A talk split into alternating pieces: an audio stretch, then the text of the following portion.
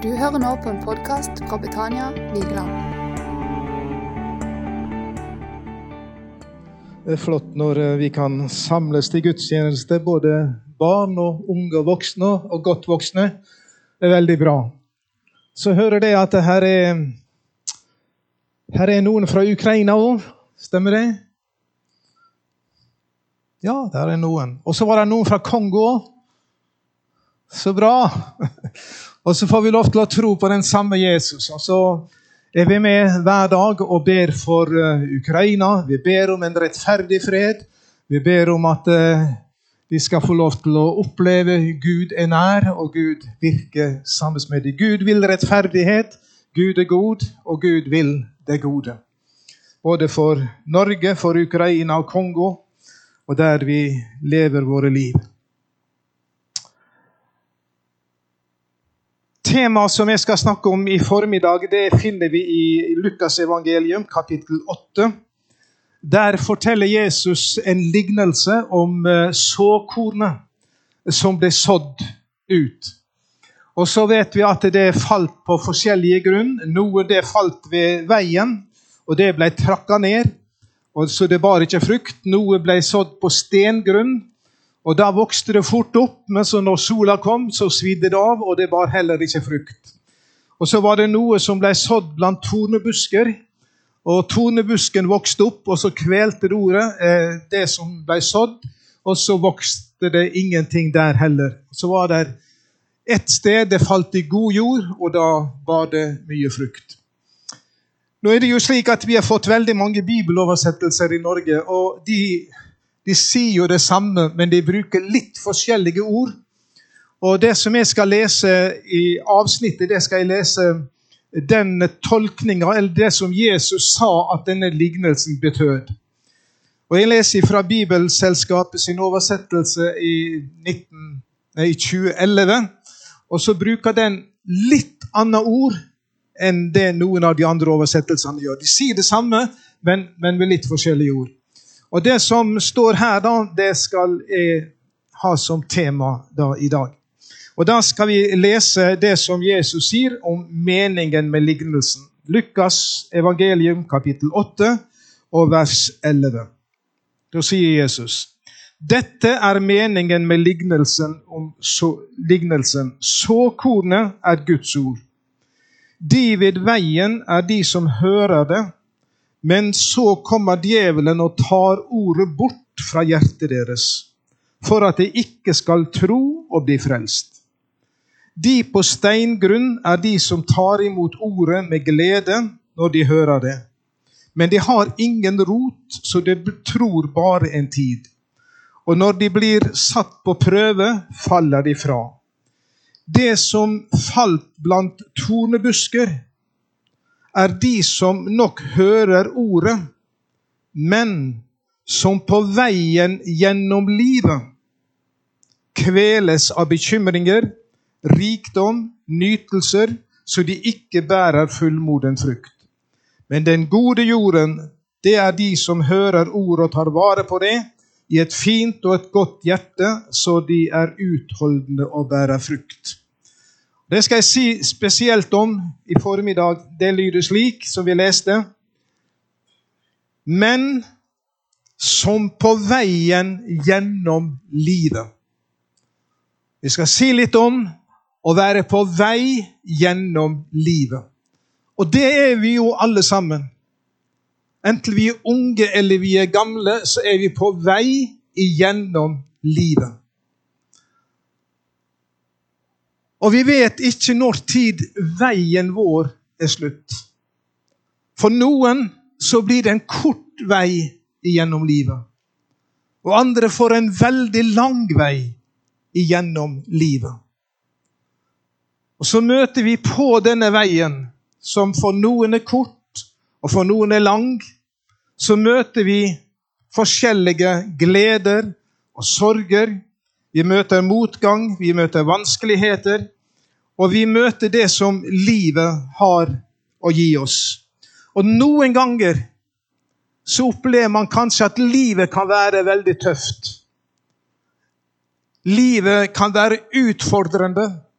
Og det er ikke alltid perfekt, dette livet som vi lever. Og noen som opplever kanskje store prøvelser, de eh, vil kanskje si sånn som eh, profeten i, uh, Jesajas skriver det om i, sitt, i sitt, uh, sin bok. Så skriver han om noen som sier 'Min vei er skjult for Herren'. Min Gud bryr seg ikke om min rett. Og det er nok mange som har opplevd prøvelser, vanskeligheter, som sier det der. Tror det.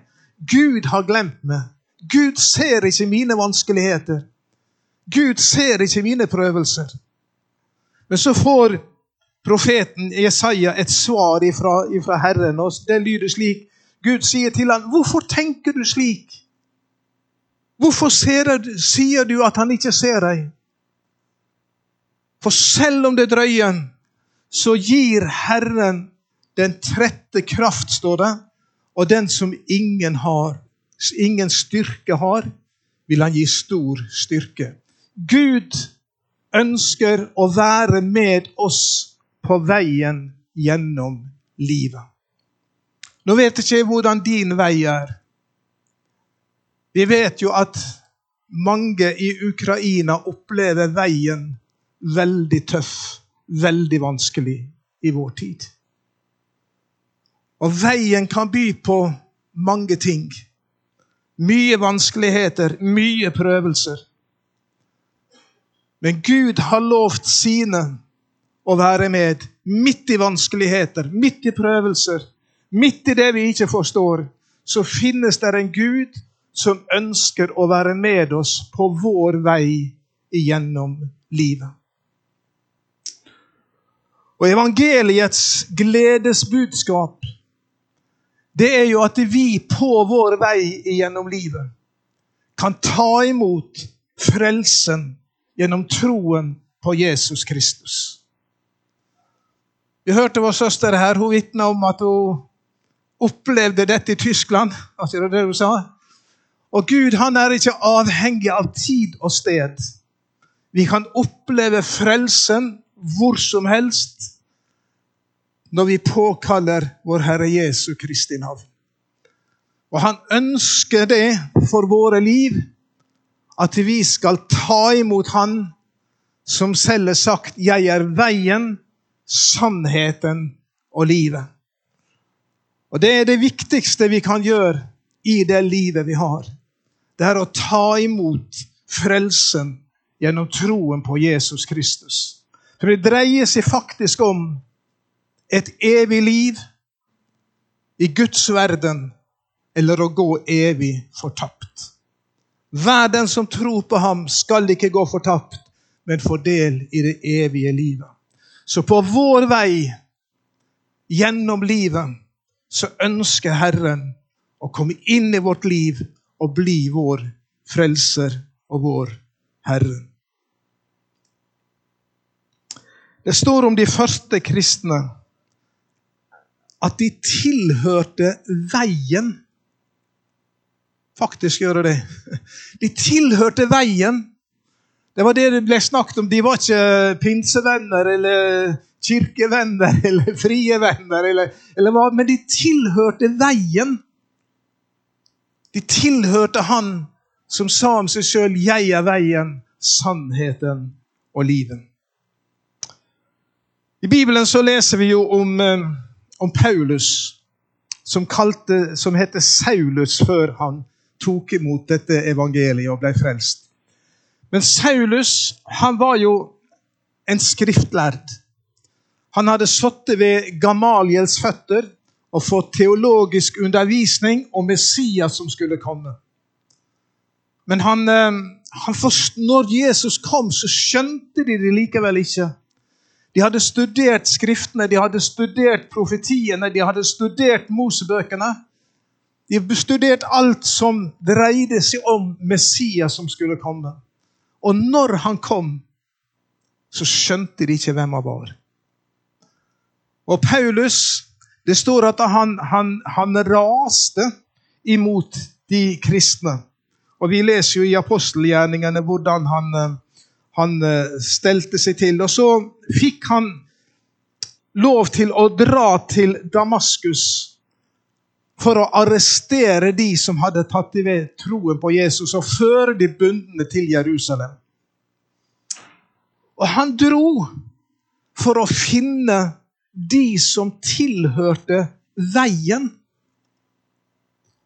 Og så har jeg tenkt litt Åssen skulle han finne de? Og skulle finne de som tilhørte veien, og som, og som da var kristne, var frelst? Han kunne jo ikke gå til uh, noen menigheter og om, be om menighetsprotokollene. Det hadde du ikke oppfunnet den gangen. noen menighetsprotokoll. Men hvordan kunne han finne de?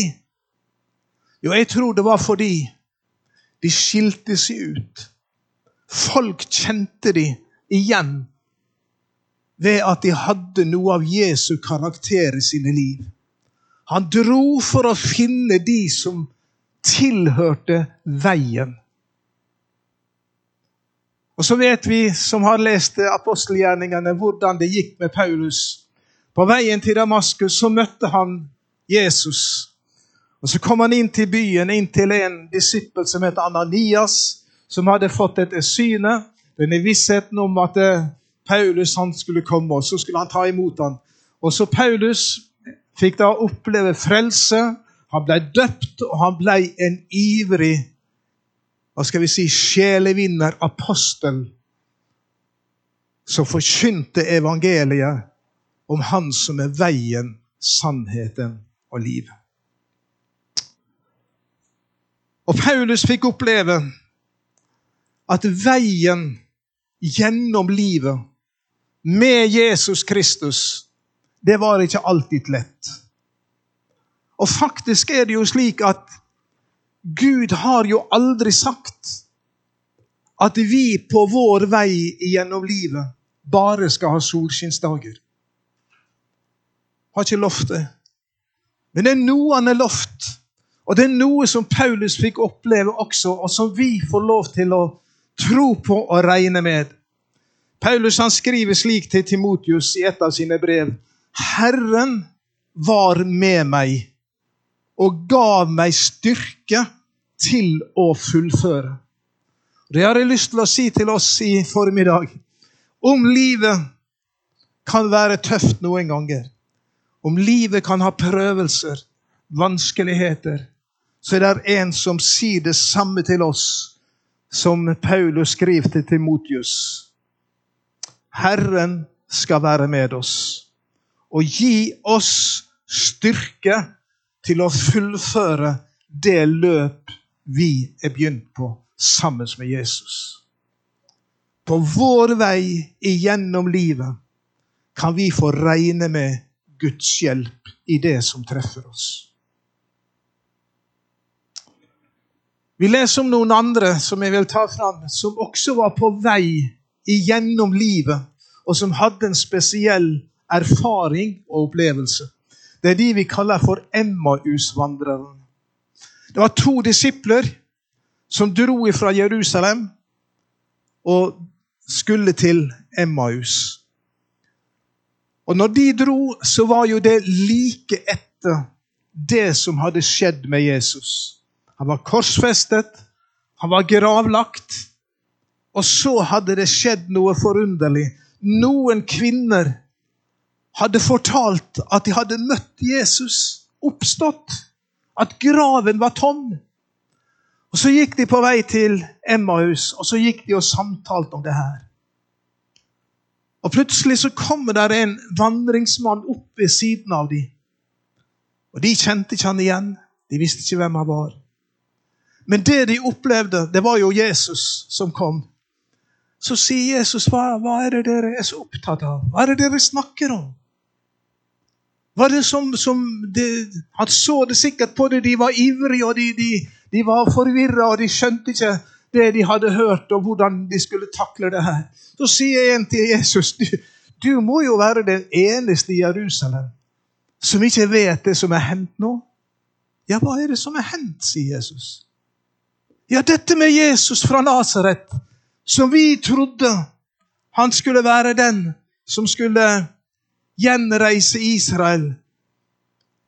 Og, vi, og nå korsfester de han, og så er det noen kvinner som har begynt å, å, å si at de møtte Jesus. Oppstått, og graven var tom. Og så begynte de å forklare det her som eh, de hadde opplevd, og som de var så opptatt av når de gikk langs veien der. Så står det om, eh, om Jesus. Han, han, eh, han hørte alt det her. Hvis dere vil følge med på det, så er det jo ifra Lukasevangeliet, det også. Kapittel 24. Men når Jesus går sammen med dem, så begynner de å fortelle og Jesus, han, han hører på, han lytter til. Hva er det dere har å si?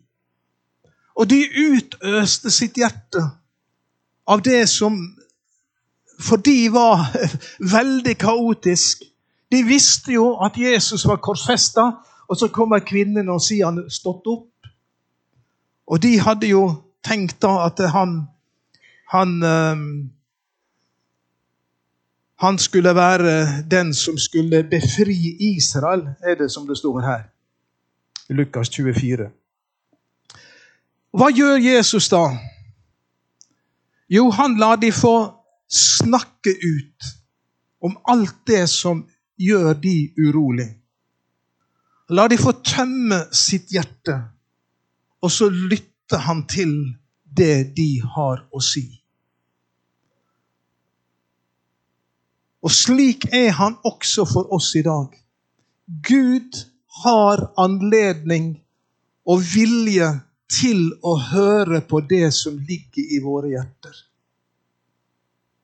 Vi synger i en gammel sang, noen av dere kan den sikkert.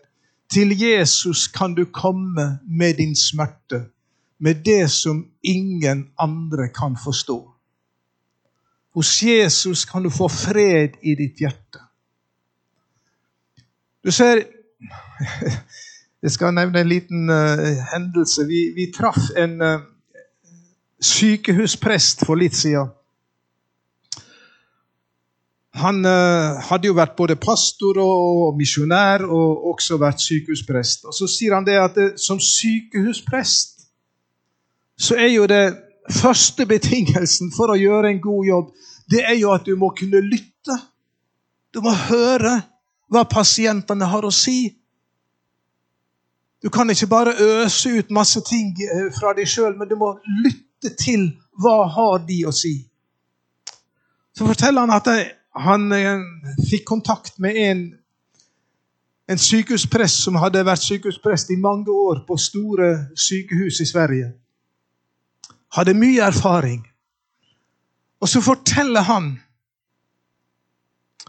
følgende en gang så ble, eller en gang, en blant mange ganger, så ble han tilkalt til en pasient. Og han gjorde som han pleide å gjøre. Jeg kom der og prata litt med han, og så satte han seg ned. Og så begynte pasienten å fortelle.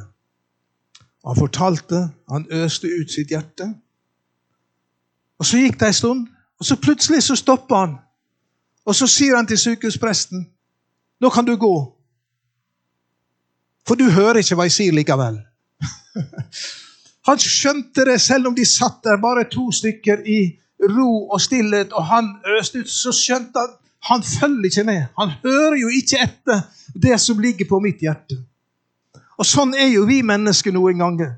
Vi hører ikke etter alltid det som våre medmennesker har i sitt hjerte, og som de kanskje ønsker å dele.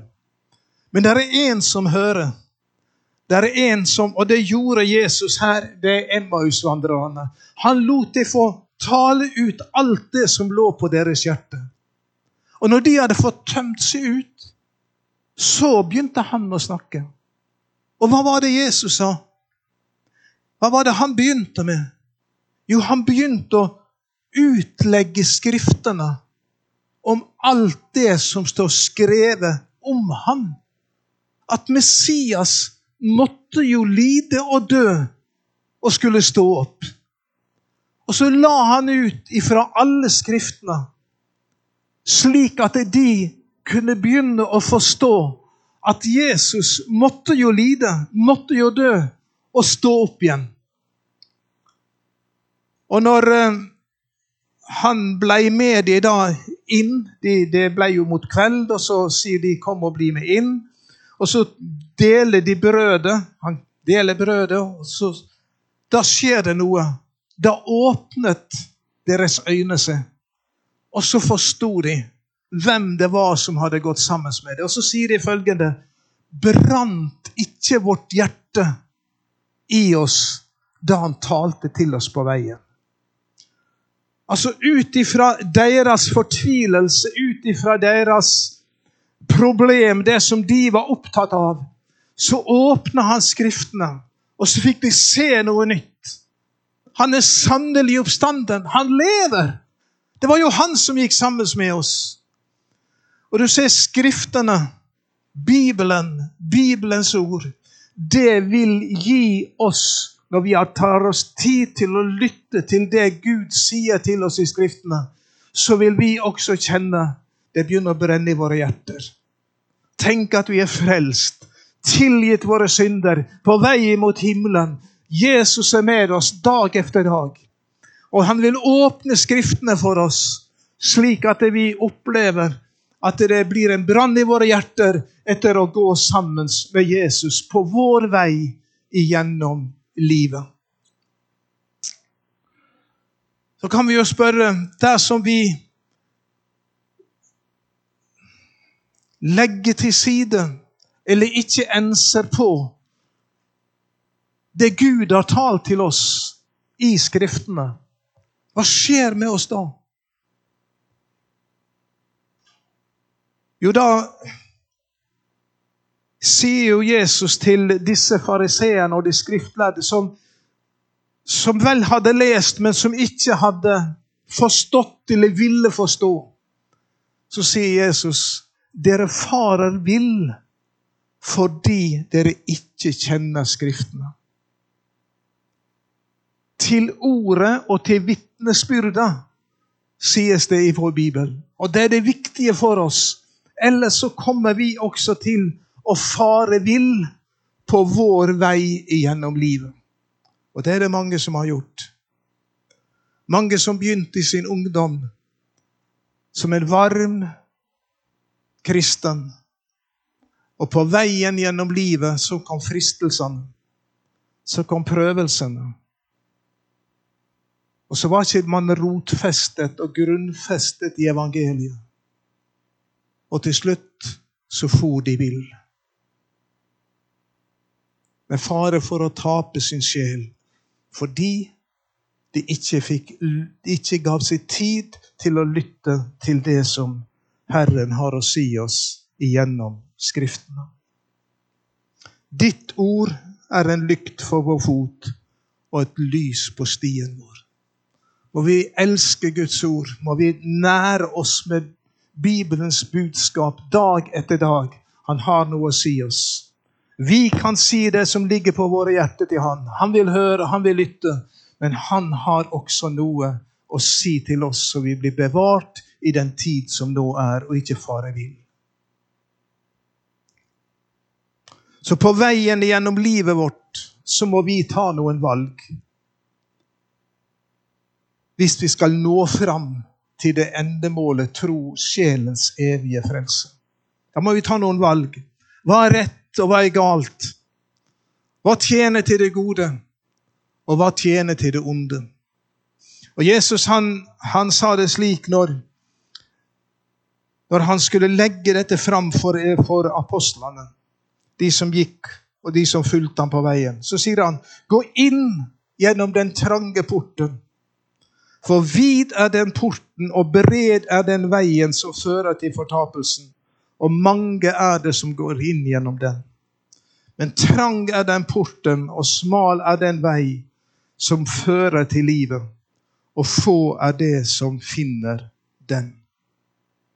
Så vi må altså ta noen valg, og noen ganger kan livet vårt sammen med Herren føles trangt. Men vi må velge å velge det gode. Og Paulus skriver til Korintermenigheten. Han har to brev som vi har i Bibelen vår. Han skriver det andre brevet til eh, menigheten i Korint. Hvis dere vil slå opp, så kan vi lese ifra, ifra det tolvte kapittelet i andre Korinterbrev. Så sier Paulus der Han skriver til dem. Han er full av kjærlighet, han er full av omsorg, men han sier det også slik. Jeg er redd for at jeg skal finne strid, rivalisering, hissighet, selvhevdelse, baktalelse, sladder og hovmod og opprør. Ja, jeg er redd at jeg skal få mange å sørge over, fordi de har syndet og ikke angret sin urenhet. Du ser, vi lever vårt liv. Vi er på vei gjennom livet. Og så møter vi motgang, vi møter fristelser, vi møter mange forskjellige ting. Men det er en som vil være med oss som vi søker ham, og holde oss på veien, slik at vi når fram til endemålet for troen, sjelens evige frelse. Og på denne veien, gjennom vårt liv, som har tatt imot evangeliet, tatt imot Jesus Kristus, så sier evangeliet, så sier Jesus, vi har fått et oppdrag. I Johannes kapittel 15 så, så sier Jesus, 'Jeg kaller dere venner'. Jeg kaller dere venner. Du har sikkert gode venner. Har ikke du det? Og gode venner de, de forsvinner ikke med en gang. Sånn, jeg vet ikke åssen det er med det, men, men, venner jeg fikk i min ungdom Noen, i alle fall. De har jeg som venner ennå, selv om vi bor mange mange mil ifra hverandre. Så kjenner vi når vi kommer sammen, der er en connection. Fordi der er noe vi har opplevd felles, og vi har felles. Og vi begynte med noe i vår ungdom, og så holder det fremdeles. Jesus sier, 'Jeg kaller dere venner'. Og så sier han etterpå, 'Jeg har utvalgt dere og satt dere til å gå ut og bære frukt, frukt som varer'. Så når vi på vår vei igjennom livet, så har vi altså utvalgt til å bære frukt som varer. Og evangeliets såkorn, som vi har gitt rom i våre hjerter, og vi kan nære oss med troens ord, så vil det bære frukt i våre liv. Og så er vi kalt til å sende dette såkornet ut til andre mennesker. Og Jeg syns det er kjempefint her at dere har, dere har søndagsskole, dere har ungdomsarbeid, dere har arbeid for, for de forskjellige generasjonene. Og vi er kalt til å så dette evangeliets såkorn ut til andre mennesker. Jeg syns dere har vært veldig flinke her på Vigeland. Til å så evangeliet inn i barna, inn i de unge. Og så har dere en, en levende Guds menighet i dag. Og dette såkornet, det har spirekraft når vi sår det ut og så sier Paulus, la oss ikke bli trett av å gjøre det gode. Når tiden er inne, så skal vi høste, bare vi ikke gir opp. Så skal det høstes i det misjonsarbeidet dere driver her fra menigheten. Så skal dere få høste av det dere sår ut i søndagsskolen. Så skal dere få høste det dere sår blant de unge en rik høst for Guds rike. Så på vår vei gjennom livet og deres vei gjennom livet, vær med oss så. Så evangeliet. Det skal sin tid bære rik frukt. Amen.